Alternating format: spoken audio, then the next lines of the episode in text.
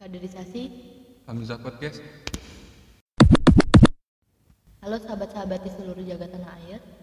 Kopri bersama Departemen Kaderisasi Hamzah di episode kali ini akan membahas beberapa hal, yaitu Kampus, PMI, Aswaja, dan Universal.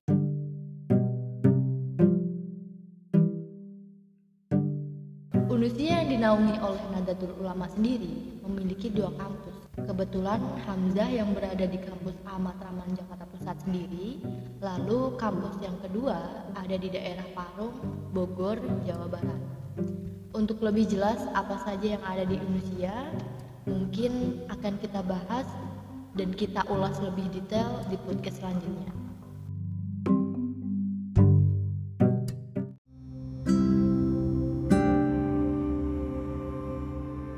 Poin pertama ada kita menjelaskan tipologi Islam di Indonesia. Ya, sahabat-sahabat, mengenai pembahasan terkait teologi memang tidak akan ada habisnya. Sebab semangat teologis itulah yang hingga kini membuat masyarakat terus berafiliasi dengan dalil-dalil ilahiyah pada dimensi kehidupan ini. Sejak turunnya agama-agama sebelum Islam, kalau kita bisa kenal itu agama-agama samawi. Contohnya Yahudi, Nasrani, kalau Buddha sama Hindu, Konghucu dan aliran-aliran kepercayaan lainnya kan bukan agama samawi itu ya, Agama Ardi. Dijelaskan jika semangat ketuhanan itulah yang mempengaruhi pola interaksi, pola sosial dan pola politik. Islam di Indonesia ialah Islam yang damai, ramah dan toleran. Sebab Islam sendiri datang ke Nusantara itu bukan bukan proses dari penaklukan seperti tanah Hijaz, seperti tanah yang ada di Timur Tengah. Timur Tengah kan prosesnya penaklukan ya. Kalau di Indonesia kan melalui wali songo kan dari pernikahan, dari kebudayaan, dari kebudayaan yang wayang itu kan. Itu sebabnya Islam di Indonesia terkenal ramah, bukan Islam yang marah. Karena dari perkenalan Islamnya itu sendiri diperkenalkan dengan secara ramah, bukan dari penaklukan. Lalu Ban, keberagaman itu kita pahami aja sebagai fitrah.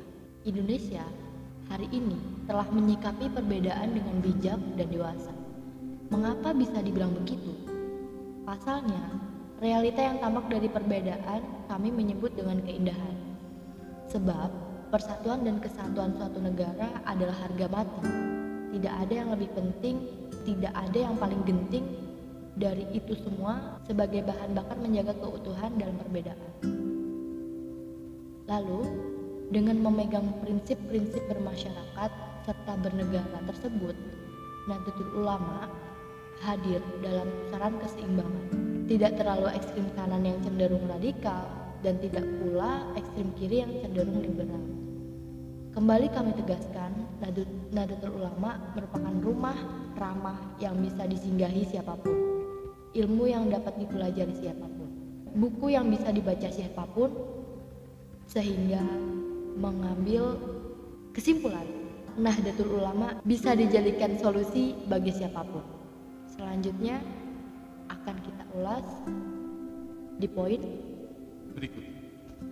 Poin kedua yaitu penguasaan aswaja di kampus. Eh, langkah perubahan tidak harus dimulai dengan langkah-langkah yang besar, sahabat. Dengan hal yang sederhana, perubahan itu berawal. Begitu juga dengan cara kader PMI untuk menembus benteng-benteng pertahanan.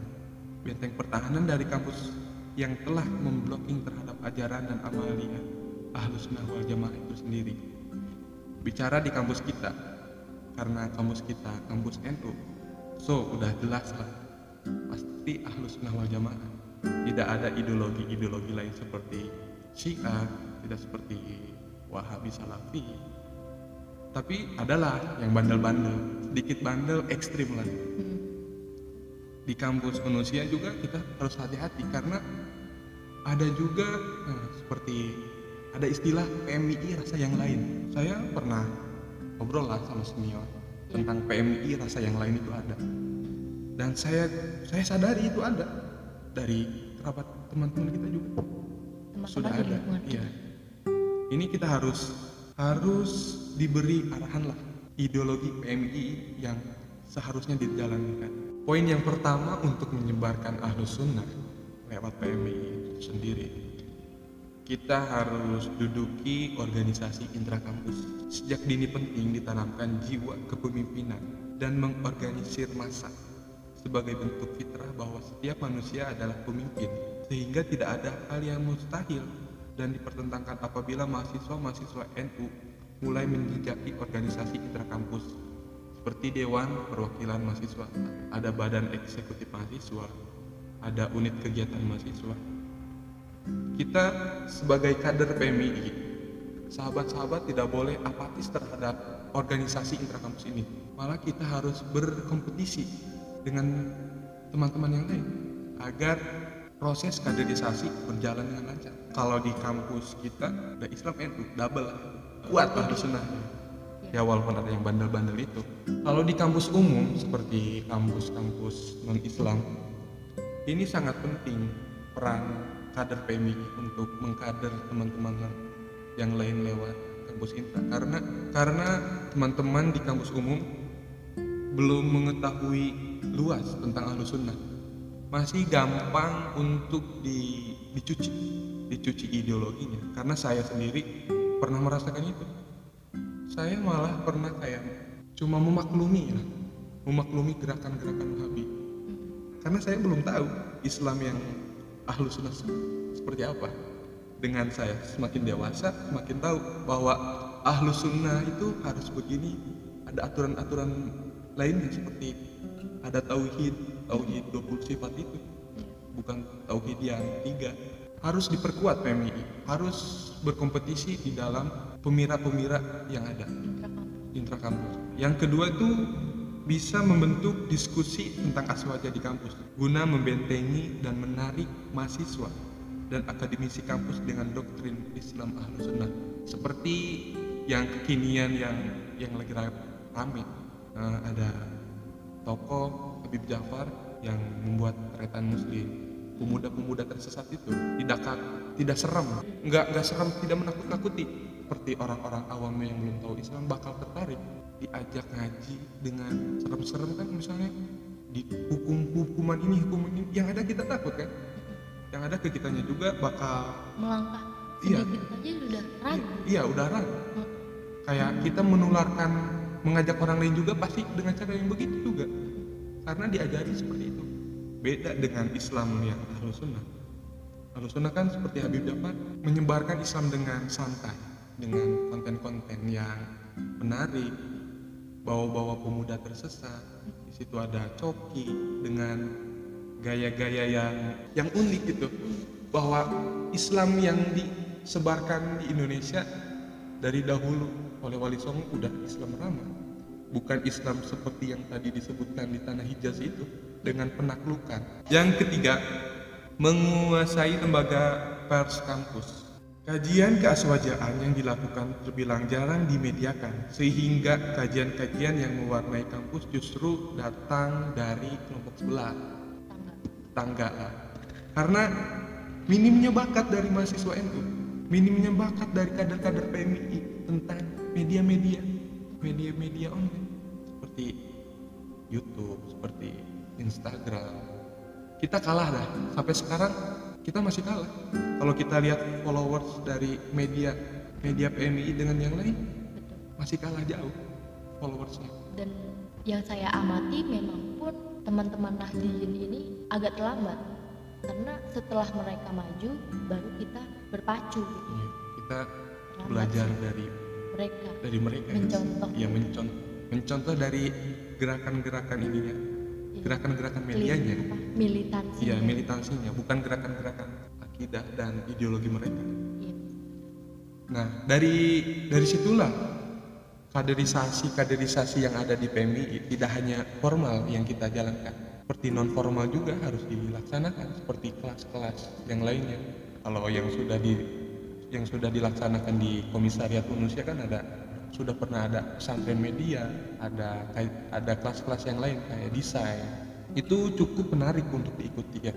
Tradisionalis cara ininya saja, cara amaliannya dari yang dulu, tapi tidak dengan cara-caranya. Ya kita mengamalkan ajaran-ajarannya lewat-lewat boleh kita lewat media. Jangan ketinggalan dari media. Itu cara yang ketiga.